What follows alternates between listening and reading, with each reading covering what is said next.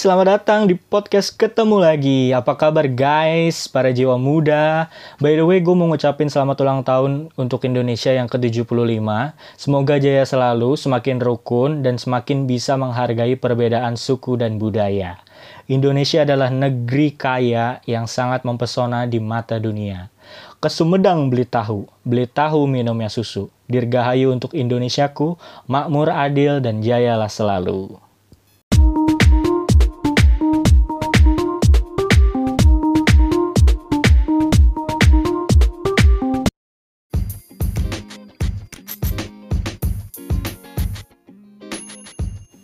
Sahabat salam kali ini gue pengen kirim salam untuk para abdi negara, untuk para paskibraka yang akan melakukan uh, upacara pengibaran bendera merah putih dan penurunan kembali uh, bendera merah putih nanti pada tanggal 17 Agustus 2020 di Istana Negara. Semoga Indonesia menjadi negara yang lebih kuat lagi, lebih makmur lagi, lebih adil lagi, dan kita para penerus bangsanya, muda-mudi yang sekarang tinggal di Indonesia bisa menjaga kedamaian dan kerukunan di Indonesia. Oke? Okay?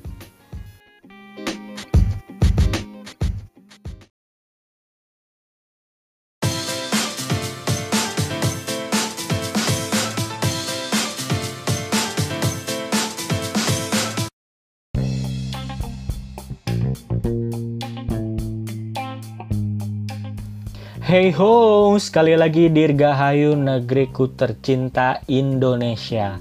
Selamat hari kemerdekaan untuk kalian para warga Indonesia. Semoga negara ini semakin baik di setiap harinya. Amin. Soal-soal ngomong kemerdekaan, ngomong-ngomong soal kemerdekaan, ini nggak ada partner siaran, jokes gue jadi mendem nih, nggak ada tektokannya gitu. uh, kalau kita ngomongin soal kemerdekaan, pasti erat hubungannya dengan lomba 17-an atau lomba, ya kan? Nah, kira-kira kalian pernah ikut lomba apa aja sih? Nanti gue niatin, gue pengen bikin instastory, terus bikin forum lagi, biar kita bisa saling sharing lomba apa aja yang pernah uh, kalian ikutin.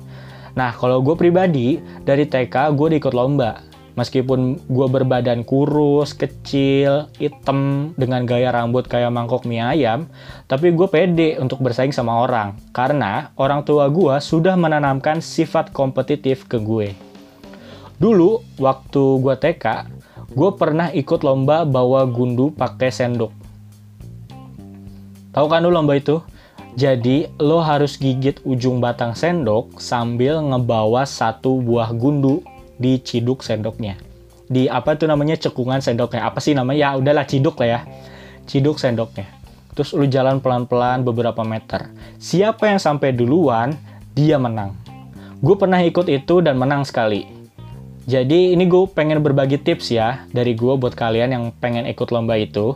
Jadi cara gue untuk menangin lomba itu adalah gue ngasih ludah di tengah-tengah ciduk sendoknya. Gak usah banyak-banyak, ludah dikit aja. Yang penting, gundunya akan stay di tengah, akan berat di tengah. Jadi lu nggak perlu khawatir gundunya akan jatuh. Lu bisa jalan lebih cepat daripada yang lainnya. Dan lu menang. Nah, selamat mencoba ya.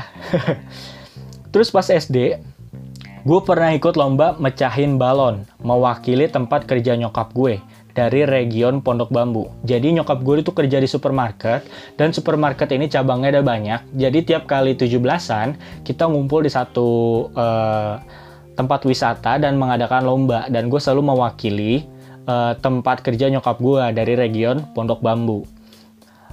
Gua waktu itu ikut lomba mecahin balon. Kalau kalian tahu eh, nggak uh, tahu tentang lomba ini, jadi gue kasih tahu cara main lomba ini adalah mata lo akan ditutup oleh kain, ya, dan akan dikasih trek lurus.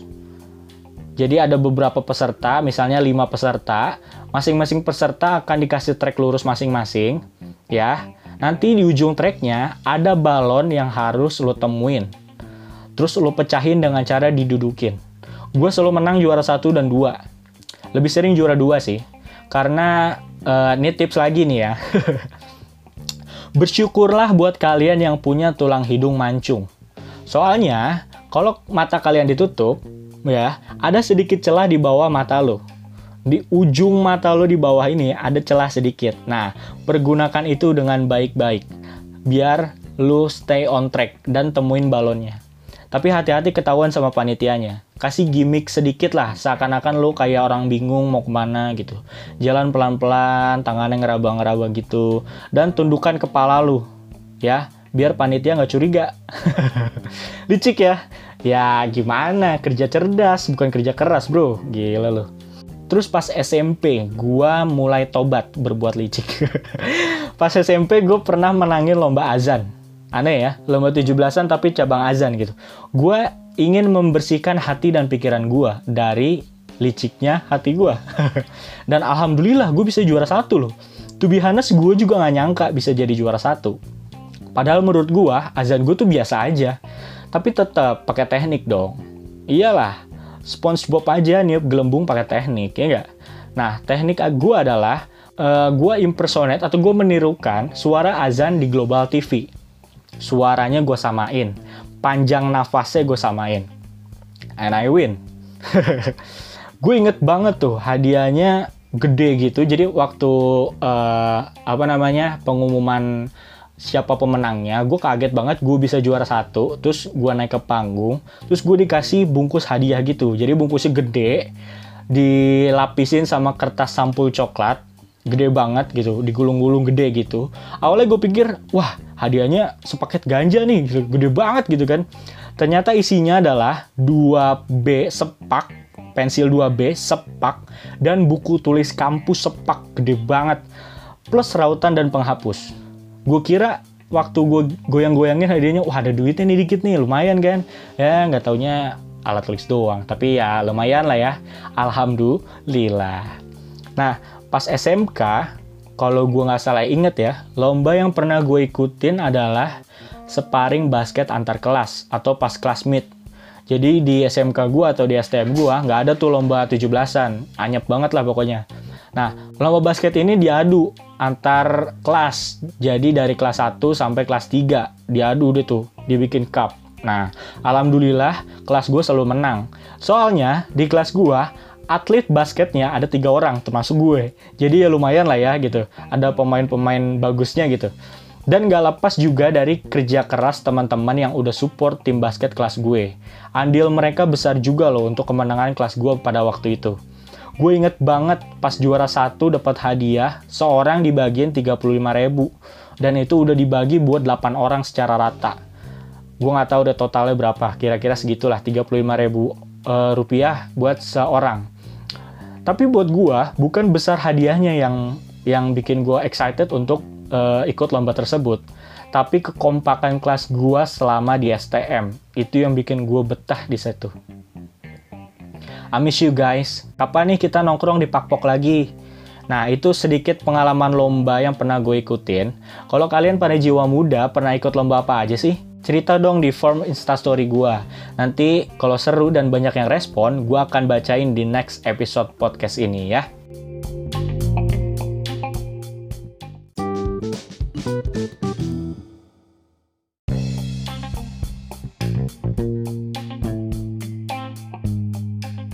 Buat kalian yang akan melakukan upacara nanti pada tanggal 17 Agustus ya atau masih melakukan kegiatan di luar ruangan, di masa new normal ini kita kan sering dihimbau untuk menggunakan masker kain untuk menutup wajah kita, terutama hidung dan mulut kita selama beraktivitas di luar ruangan, ya kan? Tapi kalian tahu nggak sih kalau ternyata wajah yang ditutupi oleh masker juga bisa kotor loh dan sangat berminyak dan berpotensi menimbulkan jerawat. Oh my god. Cuci muka aja nggak cukup. Nah, maka dari itu, gue punya solusi tambahan untuk menghilangkan kotoran dan minyak yang membandel di wajah kalian, yaitu Face Max Lumpur dari RGN yang memiliki berbagai varian. Ada yang green tea, coffee, charcoal, lumpur, dan yang terakhir, nah ini sedikit tebak-tebakan ya, Buah-buah apa yang anemia? Ayo, gak tahu? Alpucat. Dan varian alpukat yang bisa kalian rasakan sensasi Fast Max-nya. Harganya cuma 18.500 rupiah aja per piece-nya. dengan ukuran 25 gram dan bisa kalian gunakan untuk 5-6 kali pemakaian. Dan ini kabar baik untuk klien-klien para jiwa muda yang mau wajahnya jadi lebih bersih. Kalau kalian beli dua piece, dapat kuasnya free. Sekali lagi ya, free. Ekonomis banget kan? Murah tapi nggak murahan. Dan tenang aja, face mask ini juga terdaftar di BPOM. Kalian bisa cek sendiri dengan nomor regis 18 200 200 113. Nanti keluar deh daftarnya. Nah, gimana sih cara dapetin face masknya? Bisa kalian kepoin di IG-nya Kiptia. Kalian search nih di Instagram at Kipti Kip SS. Pakai Y ya, Kipti pakai Y, terus pakai Q bukan pakai K. Ribet banget ID IG lo Kipti. Kalau nggak ketemu juga atau ribet banget nulisnya, bisa juga kalian uh, searching di Instagram at nonon.shop ya. Sekali lagi at nonon.shop. Ingat ya, nonon bukan nenen ya. Sama ownernya dia dia juga, Kipti Kipti juga. Oke, terima kasih.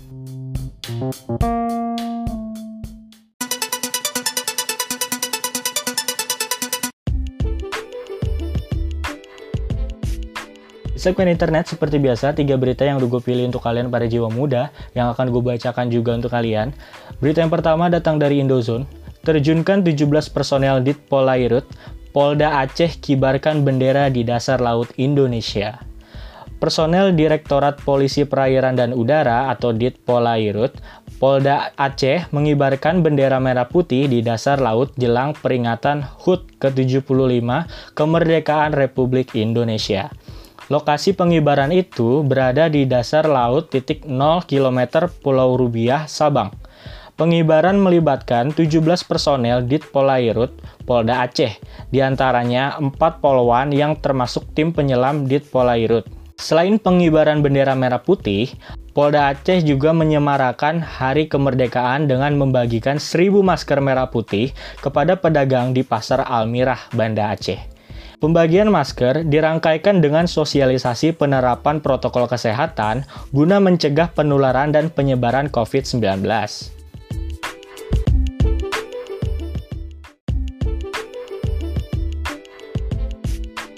Berita yang kedua datang dari CNN Indonesia. Walkot Semarang akan tetap gelar tirakatan dan upacara 17-an. Wali Kota Semarang, Hendrar Prihadi, mengatakan akan tetap menggelar upacara 17-an dalam rangka memperingati HUT Kemerdekaan RI yang ke-75. Hendrar mengatakan alasan pelaksanaan upacara di tengah pandemi karena tanggal 17 Agustus merupakan momentum yang sangat bersejarah bagi bangsa dan negara Indonesia dalam merebut dan mencapai kemerdekaan dengan mengorbankan ribuan bahkan jutaan nyawa melayang karena perang dengan penjajah. Untuk itu, ia memutuskan untuk tetap menggelar upacara 17-an sebagai bentuk penghormatan dan nasionalisme meski di masa pandemi COVID-19. Hendrar menambahkan bila pihaknya akan tetap memperlakukan protokol kesehatan pencegah COVID-19 selama berlangsungnya upacara. Beberapa SOP akan tetap dijalankan di antaranya wajib mengenakan masker, menjaga jarak, serta membatasi jumlah peserta upacara. Bukan hanya upacara, pada perayaan HUT RI ke-75, Hendra juga akan tetap menggelar tirakatan sehari sebelum pada Minggu 16 Agustus malam dengan tumpengan dan renungan kemerdekaan. Ia juga menghimbau warga kampung untuk tetap menggelar tirakan dengan mematuhi protokol kesehatan.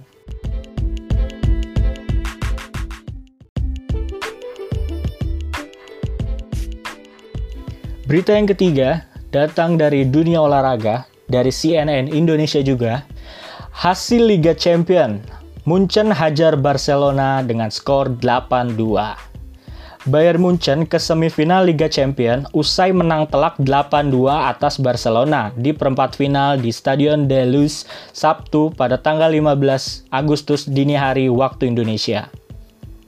Di babak pertama, FC Hollywood unggul telak 4-1 lewat 2 gol Thomas Muller pada menit keempat dan menit 31, Ivan Perisic pada menit ke-21 dan Sergei Gnabry di menit 27 Sedangkan Barcelona memperkecil lewat gol bunuh diri David Alaba di menit ke-7. Munchen kembali mencoba memberikan kejutan kepada Barcelona di awal-awal babak kedua. Akan tetapi, tendangan Ivan Persic pada menit ke-49 bisa ditangkap Ter Stegen. Lewandowski sempat mencetak gol ke gawang Barcelona di menit ke-53 setelah menerima operan Muller. Namun, wasit Demir Skomina menganulir gol itu lantaran Goretzka lebih dulu dalam posisi offside. Tim asuhan Quick Setain memperkecil kedudukan menjadi 2-4 berkat tendangan kaki kiri Suarez dari dalam kotak penalti di menit ke-57. Barcelona memanfaatkan tingginya garis pertahanan Munchen usai menerima operan dari lini tengah. Jordi Alba memberikan bola kepada Suarez. Setelah menggocek Jerome Boateng, Suarez melepaskan tendangan kaki kiri yang berbuah gol. Keroposnya pertahanan Barcelona benar-benar dimanfaatkan Munchen. Bahkan, bek berusia 19 tahun Alfonso Davies bisa menggocek Nelson Semedo dan membuat pertahanan Barcelona kocar-kacir.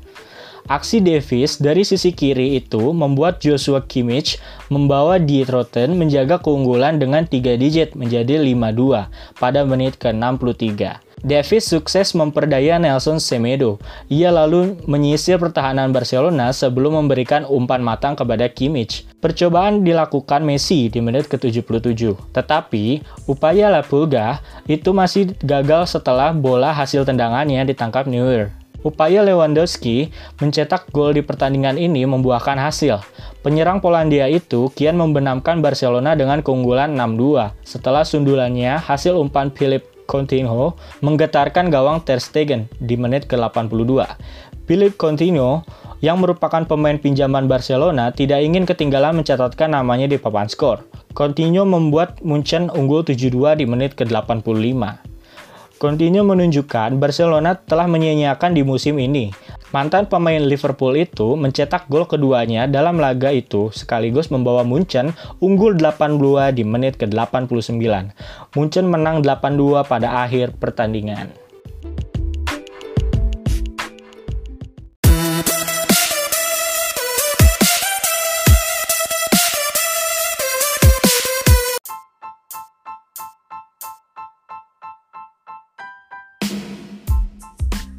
Playlist kali ini spesial banget karena kita sedang merayakan kemerdekaan Republik Indonesia, makanya makanya maka dari itu 10 lagu yang gue pilihin untuk kalian para jiwa muda bertema tentang Indonesia. Yang pertama ada dari Coklat dengan Bendera.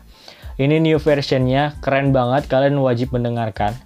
Kemudian ada Piwi Gaskin dengan Dari Mata Sang Garuda. Kemudian ada NTRL dengan Garuda di Dadaku. Kemudian ada Via Valen dengan Meraih Bintang. Kemudian ada Gombloh dengan Kebiar-Kebiar. Kemudian ada Gita Gutawa dengan Tanah Air. Kemudian ada Kus Plus dengan Kolam Susu. Kemudian ada dari Indonesian Voices dengan Rumah Kita. Kemudian ada Rosa dengan Indonesia Pusaka. Kemudian ada dari Surya Children Choir dengan Indonesia Raya. 10 lagu bertema Indonesia karena kita sedang merayakan kemerdekaan Indonesia. Merdeka!